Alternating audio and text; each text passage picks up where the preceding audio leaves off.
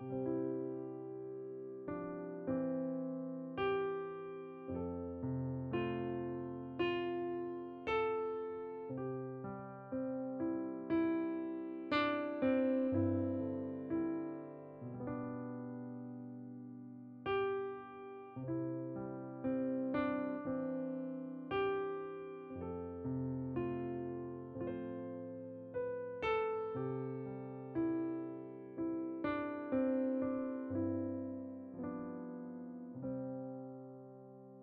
Reforming Heart, hari ke-99.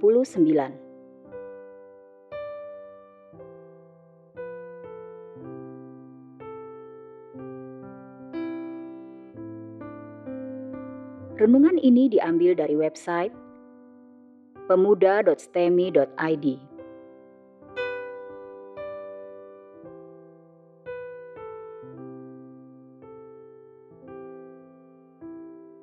Tema renungan hari ini adalah kehidupan Rehabeam. Mari kita membaca Alkitab dari 1 Raja-Raja 14 ayat 21 sampai 31. Demikian bunyi firman Tuhan. Sambungan riwayat Rehabeam. Adapun Rehabeam, anak Salomo, ia memerintah di Yehuda Rehabeam berumur 41 tahun pada waktu ia menjadi raja dan 17 tahun lamanya ia memerintah di Yerusalem, kota yang dipilih Tuhan dari antara segala suku Israel untuk membuat namanya tinggal di sana. Nama ibunya ialah Naama, seorang perempuan Amon. Tetapi orang Yehuda melakukan apa yang jahat di mata Tuhan, dan mereka menimbulkan cemburunya dengan dosa yang diperbuat mereka lebih daripada segala yang dilakukan nenek moyang mereka. Sebab mereka pun juga mendirikan tempat-tempat pengorbanan dan tugu-tugu berhala, dan tiang-tiang berhala di atas setiap bukit yang tinggi, dan di bawah setiap pohon yang rimbun. Bahkan ada pelacuran bakti di negeri itu. Mereka berlaku sesuai dengan segala perbuatan keji bangsa-bangsa yang telah dihalau Tuhan dari orang Israel. Tetapi pada tahun kelima, zaman Raja Rehabeam, majulah Sisak, Raja Mesir, menyerang Yerusalem.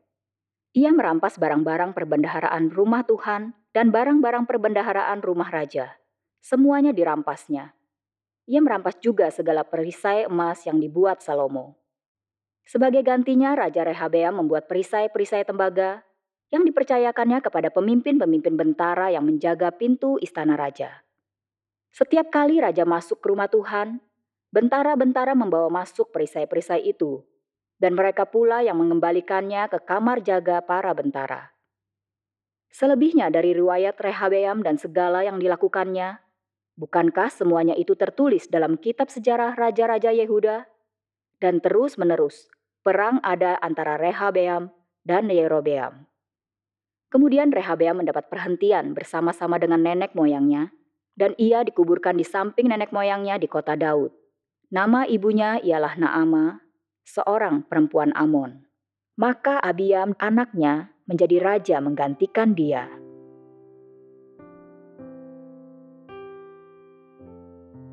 Mari kita merenungkan bagian firman Tuhan ini.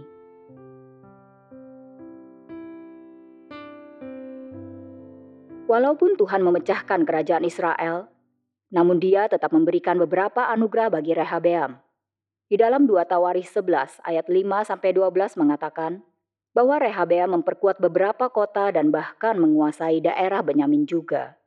Mari kita membacanya. Rehabeam diam di Yerusalem dan memperkuat kota-kota kubu di Yehuda. Ia memperkuat Bethlehem, Etam, Tekoa, Betsur, Soko, Adulam, Gad, Mares, Zip, Adoraim, Lakis, Azeka, Sora, Ayalon dan Hebron yang terletak di Yehuda dan di Benyamin sebagai kota-kota berkubu. Ia memperkokoh kota-kota kubu itu dan menempatkan di situ kepala-kepala pasukan dengan persediaan makanan, minyak dan anggur, perisai dan tombak pun disediakan di tiap-tiap kota. Ia membuat kota-kota itu amat kokoh. Demikianlah Yehuda dan Benyamin menjadi daerah kekuasaannya. Walaupun Tuhan mengatakan hanya akan memberikan Yehuda untuk dikuasai oleh Rehabeam, tetapi Tuhan menambahkan Benyamin dan juga suku Lewi. Mari kita membaca dari 2 Tawaris 11 ayat 13 sampai ke 15 yang berbunyi demikian. Para imam dan orang Lewi di seluruh Israel datang menggabungkan diri dengan dia dari daerah-daerah kediaman mereka. Sebab orang Lewi meninggalkan tanah penggembalaan dan milik mereka, lalu pergi ke Yehuda dan Yerusalem.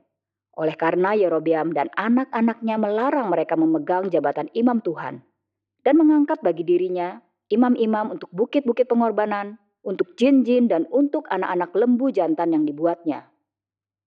Dengan demikian walaupun tidak lagi menguasai seluruh Israel, Rehabeam tetap mendapatkan kelonggaran dari hukuman yang seharusnya diterima oleh keturunan Daud. Mengapa Tuhan memberikan kelonggaran sedemikian? Mungkin karena Rehabea mendengar suara Tuhan melalui nabinya untuk tidak pergi menyerang Yerobeam dengan 180 ribu orangnya. Tetapi kitab 1 Raja-Raja 14 memberikan informasi tentang pengaruh yang diterima Rehabeam. Ayat 21 dan diulangi lagi di ayat 31 yang menyatakan kepada kita bahwa ibu dari Rehabeam adalah orang Amon. Adakah pengaruhnya terhadap apa yang Rehabeam percaya? Tentu saja. Itulah sebabnya kitab ini mengatakan hingga dua kali bahwa ibu Rehabeam adalah seorang Amon. Kesalahan bapa, yaitu Salomo yang menikahi seorang kafir, akhirnya juga ditanggung sang anak. Karena ibunya yang kafir ini mengajarkan penyembahan berhala kepada Rehabeam. Itulah sebabnya di dalam 2 Tawarih 12 ayat 1 dikatakan bahwa baik Rehabeam maupun seluruh Israel meninggalkan Tuhan. 1 Raja-Raja 14 ayat 22 sampai 24 mengatakan bahwa Yehuda bertingkah laku rusak sama dengan orang-orang Kanaan yang telah Tuhan singkirkan dari Kanaan. Mereka menyembah berhala dan melakukan kebejatan moral yang sangat menjijikan. Mereka menyembah berhala sambil berhubungan intim dengan para pelacur di kuil berhala. Hal-hal yang telah disebut di atas adalah hal-hal yang sangat berat semua itu adalah dosa yang tidak terpikirkan akan dilakukan oleh orang Israel ataupun Yehuda. Yerobeam membawa Israel berdosa dengan membuat anak lembu emas dan mengubah cara ibadah Israel dengan cara yang dia tentukan sendiri. Tetapi Rehabeam membawa seluruh Yehuda berdosa dengan cara yang sama dengan orang-orang Kanaan. Dari sisi apa pun dosa yang telah dilakukan oleh Yehuda sulit untuk ditoleransi mereka melanggar firman Tuhan yang terutama, yang melarang mereka mempunyai ilah lain selain Tuhan. Maka Tuhan pun menghukum mereka dengan mengirimkan Raja Sisak dari Mesir. Raja Sisak ini bukanlah raja asli dari Mesir. Dia adalah orang yang berasal dari Libya yang berhasil meraih kekuasaan di Mesir. Nenek moyangnya adalah orang Libya dan dia memiliki ikatan yang sangat erat dengan orang-orang Ethiopia Mari kita melihat dari 2 Tawarikh 12 ayat ketiga yang berbunyi demikian. Dengan 1.200 kereta dan 60.000 orang berkuda, sedang rakyat yang mengikutinya dari Mesir, yakni orang Libya, orang Suki dan orang Ethiopia, tidak terhitung banyaknya. Bayangkan betapa ironisnya hal ini mengingat usaha Salomo menikahi anak perempuan Firaun. Salomo menjadi menantu Firaun, tetapi kemudian Firaun sendiri digulingkan oleh Sisak. Setelah menggulingkan Firaun, segera Sisak menjadi pelindung Yerobeam, musuh Rehabeam, anak Salomo. Kita membaca lagi dari satu Raja-Raja 11 ayat ke-40 yang berbunyi demikian. Lalu Salomo berikhtiar membunuh Yerobeam. Tetapi Yerobeam bangkit dan melarikan diri ke Mesir kepada Sisak Raja Mesir. Dan di Mesirlah ia tinggal sampai Salomo mati. Tidak cukup sampai di situ, Sisak juga sekarang bersiap maju untuk memerangi banyak daerah, termasuk Yehuda. Jadi di manakah kekuatan kerja sama Salomo Firaun? Siapa yang mengandalkan manusia, terkutuklah dia. Yeremia 17 ayat kelima. Apakah koneksi kita banyak? Kita kenal banyak orang yang kuat kita mengandalkan mereka yang ada di posisi yang tinggi. Terkutuklah orang yang mengandalkan manusia dan yang hatinya menjauh dari Tuhan. Orang-orang kuat dalam dunia politik dan ekonomi sebenarnya hanyalah tali yang lapuk. Kita tidak boleh dan tidak bisa mengandalkan mereka. Tetapi di dalam keadaan yang terjepit, Rehabeam ternyata bertobat dan memohon belas kasihan Tuhan setelah dia mendapat peringatan dari Tuhan melalui Nabi Semaya. Mari kita membaca dari 2 Tawarikh 12 ayat 5 sampai 6. Demikian bunyi firman Tuhan. Nabi Semaya datang kepada Rehabeam dan pemimpin-pemimpin Yehuda yang berkumpul di Yerusalem berhubung dengan ancaman Sisak dan berkata kepada mereka, Beginilah firman Tuhan. Kamu telah meninggalkan aku, oleh sebab itu aku pun meninggalkan kamu juga dalam kuasa Sisak. Maka pemimpin-pemimpin Israel dan raja merendahkan diri dan berkata, Tuhanlah yang benar. Bukan hanya Rehabeam, seluruh petinggi Yehuda juga ikut memohon belas kasihan dari Tuhan. Maka Tuhan membuat Sisak undur dari Yerusalem. Sisak tidak jadi menghancurkan kota itu dan membawa penduduknya tertawan. Tetapi ia menerima upeti yang dibayarkan Rehabeam, yaitu barang-barang mahal yang Salomo siapkan untuk bait suci Allah.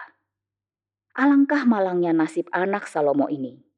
Keberdosaan Salomo dan keberdosaan dirinya sendiri telah membuat kerajaannya mengalami begitu banyak hal yang menyedihkan.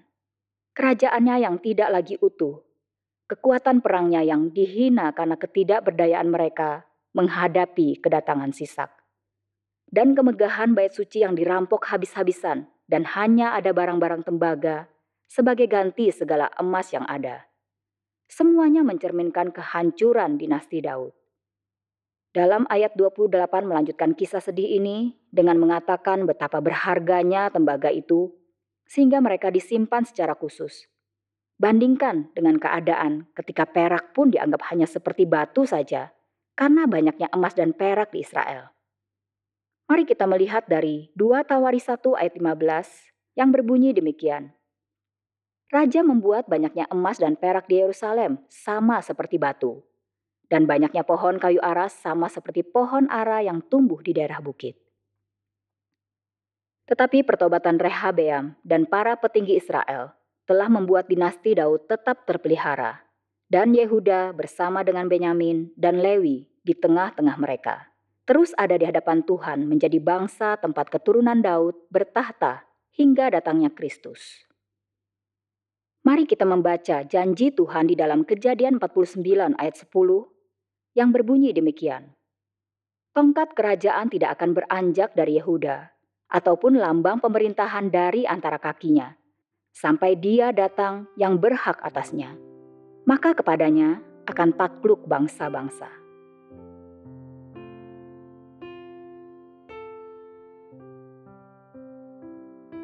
Berikut ini adalah hal-hal yang perlu untuk kita renungkan bersama. Yang pertama, Apakah kita sudah mengenal siapa Allah kita? Pengenalan yang tepat harus mencakup pemahaman bahwa Allah membenci orang-orang yang tidak setia kepada Dia.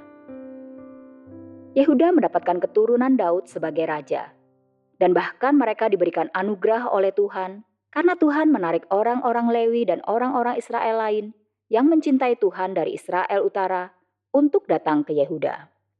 Hal ini terdapat di dalam 2 Tawaris 11 ayat ke-11 sampai 16. Tetapi penyembahan berhala tetap dilakukan oleh banyak orang Yehuda. Mengapa hal ini terjadi? Karena banyak orang Israel tidak mengenal Allah sebagai satu-satunya Allah yang sejati. Mengapa mereka menyembah berhala seperti orang-orang Kanaan? Karena mereka hanya mau menyembah ilah yang sesuai dengan hati mereka yang cemar. Orang berdosa menyukai ilah dengan sifat dosa. Tetapi Allah bukanlah seperti ilah-ilah palsu. Allah adalah yang berdaulat mutlak atas segala sesuatu. Allah kita berbeda dengan ilah palsu dari agama-agama lain ataupun dari kepercayaan-kepercayaan yang fana. Karena Allah bukanlah yang diatur, melainkan yang mengatur. Dialah yang menyatakan kuasanya. Dialah satu-satunya yang layak disembah. Karena itu biarlah kita merenungkan ini baik-baik. Apakah kita sudah mengenal Allah dengan tepat? Yang saya maksudkan bukanlah pengenalan yang mampu dirumuskan dengan kata-kata. Tidak demikian. Saya tidak mau itu. Semua orang yang bisa membeo pun dapat mengatakan pengakuan itu. Tetapi yang saya mau adalah jawaban dari kita kepada diri kita sendiri dengan menyelidiki komitmen hati kita. Apakah komitmen hati kita adalah untuk mengutamakan Tuhan lebih dari yang lain? Apakah komitmen kita untuk benar-benar mengasihi dan takut akan Allah telah ada di dalam hati kita? Jika tidak, maka penyembahan berhala akan terus membayangi hidup kita. Hati yang cinta dunia lebih daripada cinta Tuhan. Itulah penyembahan berhala yang akan terus mengancam. Hal kedua yang perlu kita renungkan, apakah lingkungan kita adalah lingkungan yang menjaga komitmen hati kita kepada Tuhan? Rehabea mempunyai lingkungan yang baik. Orang Lewi dan orang-orang yang mengasihi Tuhan, yang Tuhan utus untuk berkumpul di Yehuda.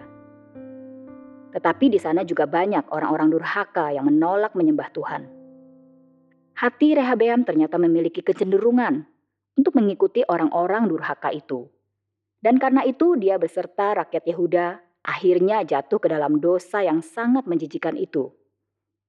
Bagaimana dengan kita? Di sekitar kita pasti banyak orang-orang berdosa yang senang dengan keadaan berdosa mereka. Tetapi bukankah ada juga orang-orang yang mau belajar mengasihi Tuhan dan meninggalkan dosa? Bukankah ada juga orang-orang yang Tuhan kirimkan untuk mengingatkan kita agar tetap berpaut kepada Allah. Yang menjadi pertanyaan adalah, kita lebih nyaman berada di tengah-tengah yang mana? Kita lebih cocok bergaul dengan yang mana? Dengan orang-orang dunia yang bejat dan senang berdosa? Atau orang-orang yang mengasihi Tuhan, yang walaupun adalah orang berdosa, tetapi telah belajar untuk membenci dosa dan meninggalkan dosa demi menyenangkan hati Tuhan.